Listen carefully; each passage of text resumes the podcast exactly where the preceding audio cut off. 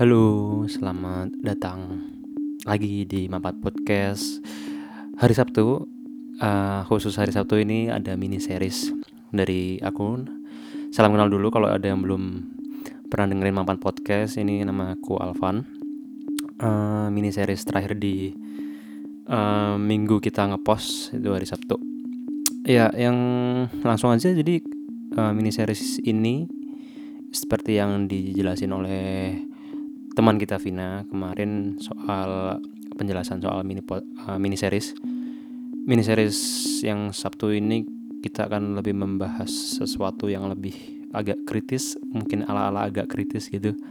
Soal apa pun soal tapi lebih menjurus ke uh, kayak uh, teori konspirasi atau isu sosial yang kita bakal, bakal bahas bareng-bareng atau mungkin ada teman-teman yang juga suka mungkin soal teori konspirasi mungkin bisa dengerin juga di sini aku lebih bahas kayak um, mungkin kayak um, background storynya kayak gimana terus kayak analisis dari uh, dan pemahamanku dari dari dari pemana dari pandanganku sendiri sih jadi untuk mini series pertama ini kita akan membahas soal uh, judulnya oversharing and its bitter aftertaste.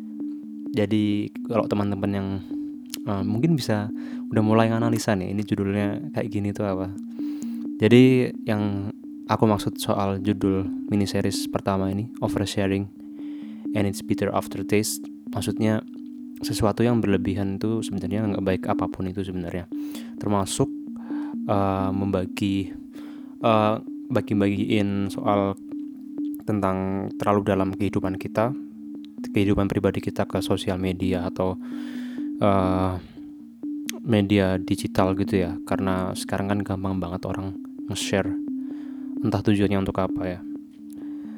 Dan di sini aku juga bakal bahas soal hmm, soal jadi sosial media itu termasuk sebuah jadi digital media dan digital media itu salah satu yang ada di uh, industri revolusi industri 4.0 ini yang sudah sempat uh, diganang-ganangkan oleh uh, pemerintah soal industri 4.0 ini. Jadi sebenarnya industri industri 4.0 ini apa sih sebenarnya? Jadi sebenarnya tuh nggak cuma soal mesin atau sistem yang cerdas gitu ya maksudnya kayak AI gitu-gitu ya cuy lebih luas karena di situ banyak faktor-faktor yang mempengaruhi adanya revolusi industri eh, revolusi industri 4.0 ini. Jadi nggak cuma soal uh, fisik tapi juga digital dan juga ada uh, hal lainnya yang menentukan uh, sebenarnya revolusi industri 4.0 4.0 ini cukup berbeda dari dari industri lain dari revolusi industri lainnya sebenarnya ya singkat aja sih sebenarnya kayak kayak gitu sebenarnya sih lebih singkatnya kayak gitu. Dan um, yang mau dibahas sekarang juga sebenarnya apa ya hmm, aku nggak mau terlalu luas nanti terlalu dalam. Karena sebenarnya yang mau dibahas di soal industri 4.0 ini tuh sangat banyak. Salah satunya uh, soal society dan di situ ada digital media juga. Jadi sumber-sumber yang aku ambil ini juga dari buku.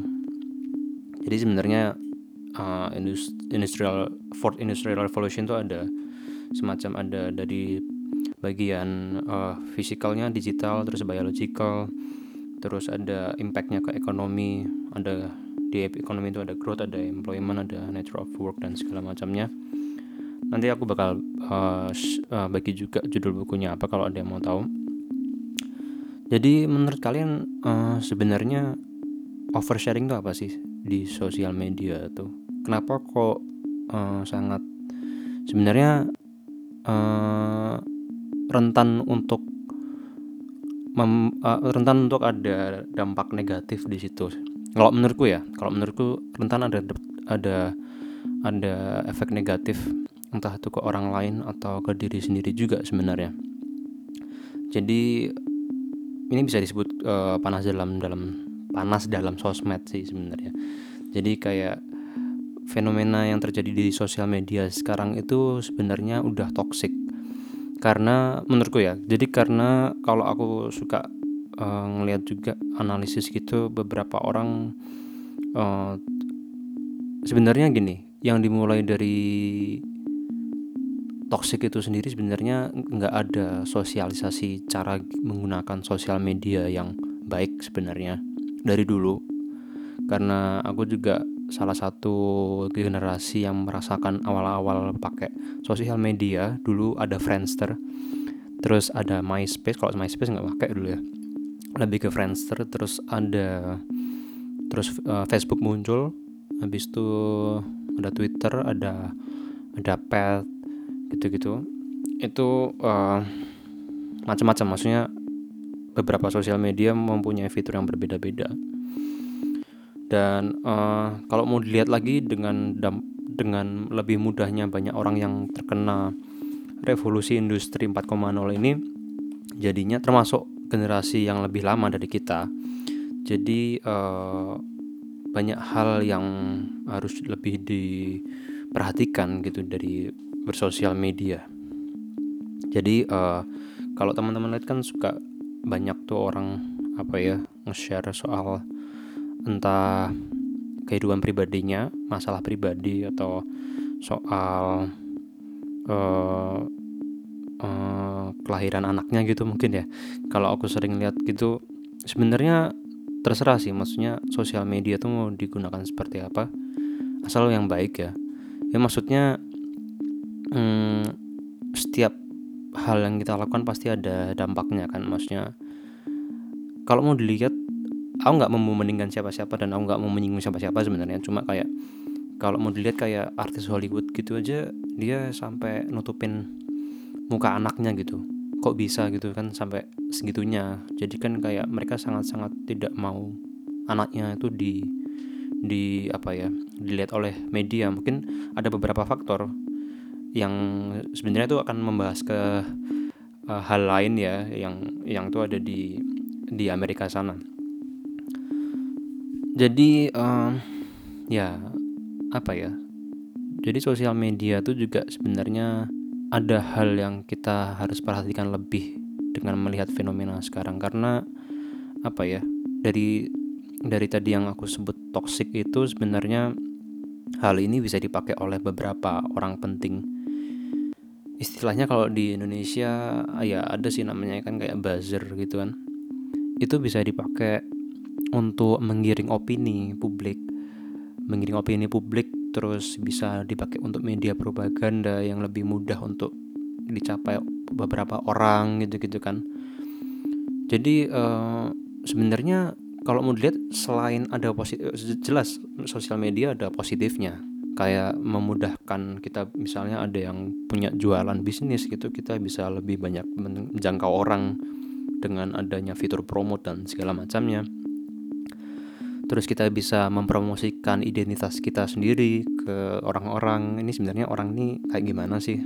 Bahkan aku juga sempat interview kerja dan lain-lain tuh kayak ditanyain sosial medianya kayak uh, pasti kan maksudnya sekarang udah mulai pasti udah ditanya kan kayak sosial medianya apa gitu-gitu kan. Karena perusahaan mau melihat mungkin kayak mau melihat uh, pribadi kita tuh seperti apa di sosial media. Bisa jadi kita di dunia nyata seperti ini tapi di sosial media kita orang yang berbeda.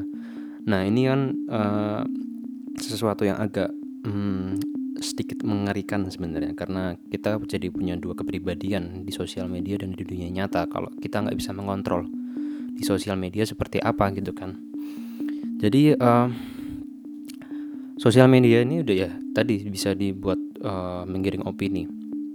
Itu juga sebenarnya dampak dari uh, itu juga salah satu faktor dari uh, bahayanya digital media. Jadi orang-orang yang mempunyai kekuasaan atau kepentingan gitu itu dia punya kontrol atas media yang bisa yang kita tonton sehari-hari atau yang kita lihat sehari-hari gitu itu uh, mungkin misalnya media apa gitu ya mereka pendukung kanan terus ada yang pendukung kiri gitu dan lain-lain. Jadi kayak di sini juga aku lihat dari baca buku juga ya maksudnya ada buku namanya judulnya The Fourth Industrial Revolution yang nulis ini adalah Klaus Schwab. Nanti aku bakal jelasin lagi. Itu jadi uh, di zaman sekarang ini terlalu banyak sumber. Terlalu banyak sumber yang diterima oleh masyarakat. Yang menggunakan terutama yang menggunakan menggunakan digital media kayak salah satunya sosial media gitu kan. Itu membuat masyarakat uh, mempunyai terlalu banyak mem, terlalu banyak sumber yang mempengaruhi keputusan mereka di dunia nyata. Jadi kayak entah bisa menggiring opini mereka dan segala macam itu karena apa yang dilihat di media tuh oh kayak gini loh. Di sosial media tuh kayak gini loh sebenarnya. Tapi padahal di fakta di lapangan nggak seperti itu gitu kan. Jadi selain memudahkan sosial media itu juga salah satu bisa jadi bumerang juga buat beberapa orang kalau misalnya kalau tidak bisa kalau nggak bisa apa ya kalau nggak bisa mengkontrol menyaring dulu fakta eh menyaring menyaring cerita dulu dari sosial media seperti apa gitu. Jadi bahayanya itu sih. Dan eh, kita akan masuk ke bagian hmm, bukan bukan teori lagi sih ini juga udah diteliti juga sama di buku ini. Jadi industrial revolution 4.0 ini itu bisa jadi jadikan sebuah alat uh, alat yang baru untuk sistem surveillance pengawasan dari pemerintah. Jadi ini hal yang cukup cukup apa ya cukup mengkhawatirkan sebenarnya. Karena juga ada pengalaman beberapa juga kayak apa ya hmm, yang fenomena sekarang kan juga ada kayak jual beli identitas ya. Jual beli identitas secara online gitu kayak entah apa KTP atau apa pun itulah ya di online gitu ada selain Instagram tuh ada juga Snapchat gitu-gitu kan. Sekarang kan juga banyak orang tren pakai filter. Sebenarnya ada dampaknya sebenarnya dari filter itu sendiri. Maksudnya um, aku pernah juga lihat uh, salah satu YouTube uh, informatif gitu kayak salah satu kayak in, Business Insider atau Fox gitu ya. Kalau teman-teman suka ngeliat juga mungkin pernah lihat juga jadi kayak uh, apa yang diambil dari uh, filter uh, wajah itu yang ada di Instagram atau di Snapchat sebenarnya banyak. Jadi hati-hati teman-teman yang suka terlalu banyak pakai filter. Ya terserah sih maksudnya tapi sebenarnya banyak data yang dipakai yang diambil dari filter itu. Karena uh, filter itu kan mapping ya istilahnya mapping dulu wajah kita gitu kan. Kalau misalnya wajah kita nggak terlalu jelas kelihatan atau kita terlalu nyamping gitu kan nggak bisa kedetek gitu ya. Karena mereka ada harus um, mendetek posisi wajah kita dan sebenarnya posisi wajah itu udah kayak filter-filter kayak itu tuh udah dipelajari dari udah gak lama sih. Jadi mereka kayak membiasakan bentuk wajah manusia tuh standarnya kayak gimana hidung mulut kita di mana mata kita di mana. Terus mereka tempatkan uh, titik-titik kan kalau biasanya suka ngeliat film-film futuristik gitu atau beberapa uh, film soal intelligence gitu-gitu kan. Kayak James Bond atau apalah gitu lah. Itu kan juga suka ada kayak uh, face recognition gitu kan. Jadi kayak uh, bentuk muka kita ada kayak uh, grafi, grafis kotak-kotaknya terus ada titik-titiknya itu kan buat mapping muka kita sebenarnya biar oh ini dikenali ada muka orang gitu kan. Tapi ternyata ada sesuatu yang lebih diambil dari situ gitu dan um, di kemudian hari itu bisa dipakai gitu buat pemerintah untuk lebih gampang nemuin kita di mana gitu kan. Jadi ini sesuatu yang cukup mengkhawatirkan karena di zaman sekarang ternyata privasi sebenarnya udah nggak terlalu nggak terlalu apa ya nggak terlalu dihargai gitu. Bahkan kita dengan senang hati memberikan privasi kita untuk publik gitu kan apalagi untuk pemerintah.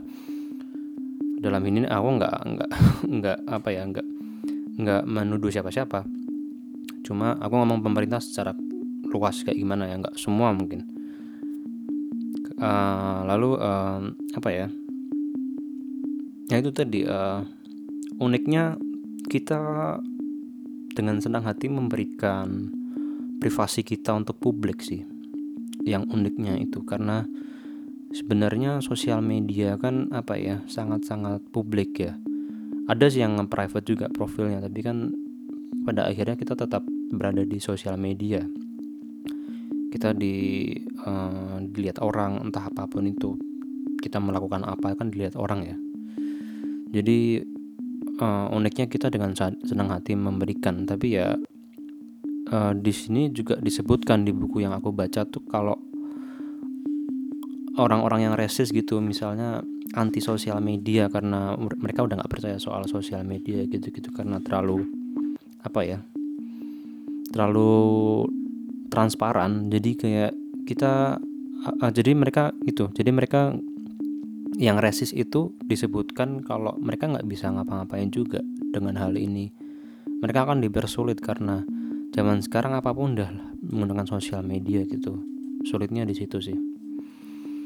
Jadi ya mungkin apa ya kita harus lebih uh, menahan atau kita harus lebih bisa mengkontrol gimana kita bersosial media.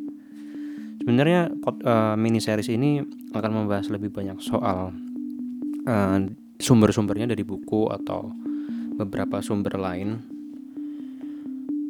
dan uh, nanti kita juga bakal membahas sesuatu yang lebih dalam lagi. Jadi ini perkenalan dulu, kita akan membahas yang agak ringan. Dan di sini juga ada sumber dari uh, Harvard University Political Philosopher Michael Sandel. Dia udah mengobservasi soal salah satunya uh, private information ini di, di industri 4.0 ini. Dia bilang uh, kalau kita kita kelihatan kayak lebih menambahkan keinginan untuk uh, menukar privasi kita untuk sesuatu yang uh, memudahkan kita. Istilahnya gini, kita menggunakan gadget, kita menggunakan gadget, hmm, kayak misalnya katakanlah smartwatch gitu ya.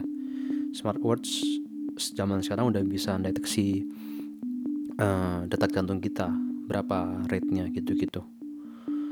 Terus kita bisa menggunakan face recognition untuk uh, buka HP gitu istilahnya.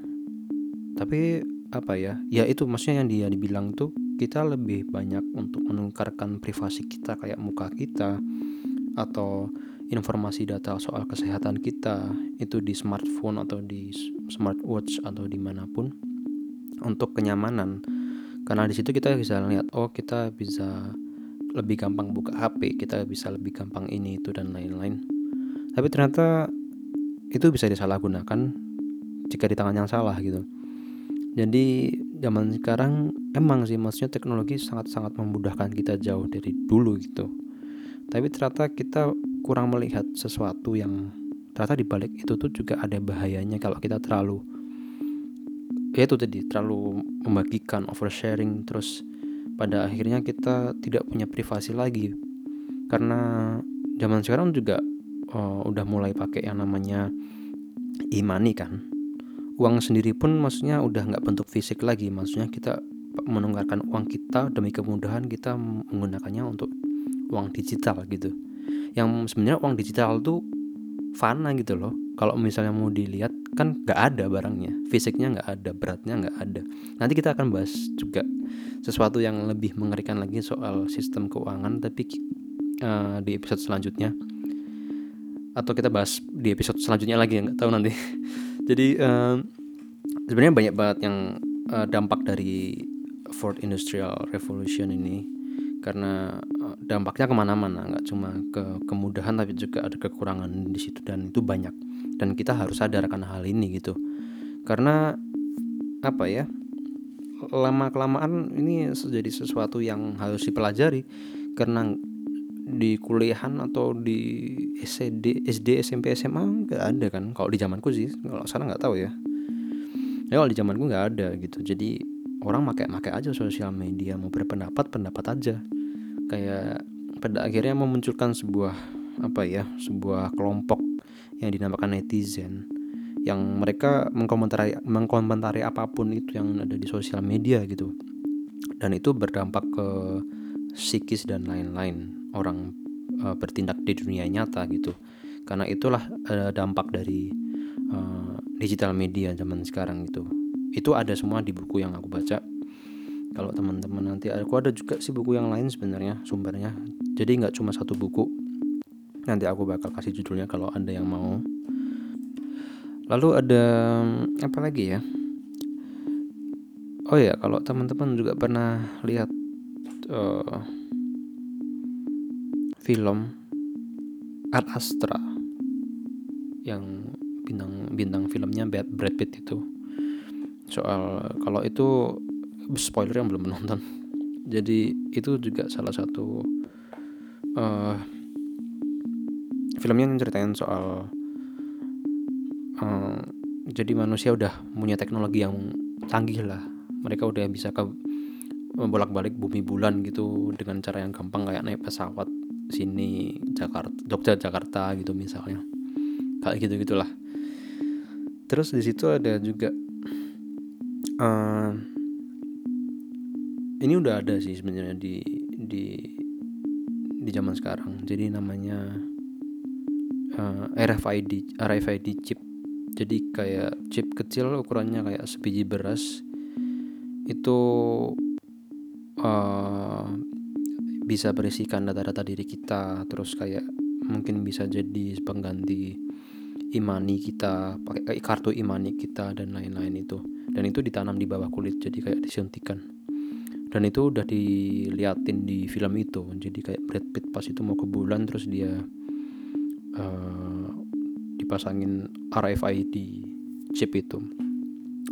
Dan dia bisa dia uh, cara uh, pramugarinya terus macam petugasnya gitu deteksi data dirinya dia ya tinggal di scan aja bahwa bagian tangannya yang ada RFID-nya itu kan bayangkan aja kalau misalnya itu ditanam di kita gitu kan.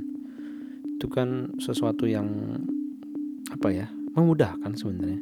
Cuma menurut kalian gimana? Kalau kayak gitu kalian lebih suka ditanam kayak gitu atau enggak? Atau gimana? Kan kalau menurutku sih kalau aku sih nggak mau ya. Karena karena apa ya sudah jelas maksudnya kayak data diri kita posisi kita di mana gitu itu ada di badan kita gitu loh dan itu mengerikan sih. Jadi kita akan bahas lagi di episode selanjutnya. Kita akan membahas sesuatu yang lain yang masih berhubungan tentang uh, revolusi industri 4.0 ini. Karena kita hidup di zaman sekarang zaman serba kemudahan tetapi ada udang di balik batu dari kemudahan itu. Jadi kita harus tetap waspada teman-teman listener. Jadi tetap uh, kontrol gimana kita bersosial media dan semoga kita jadi orang yang lebih baik daripada sebelumnya. Tetap belajar tetap cari tahu informasi karena informasi itu kita bakal dapat kalau kita nyari sebenarnya.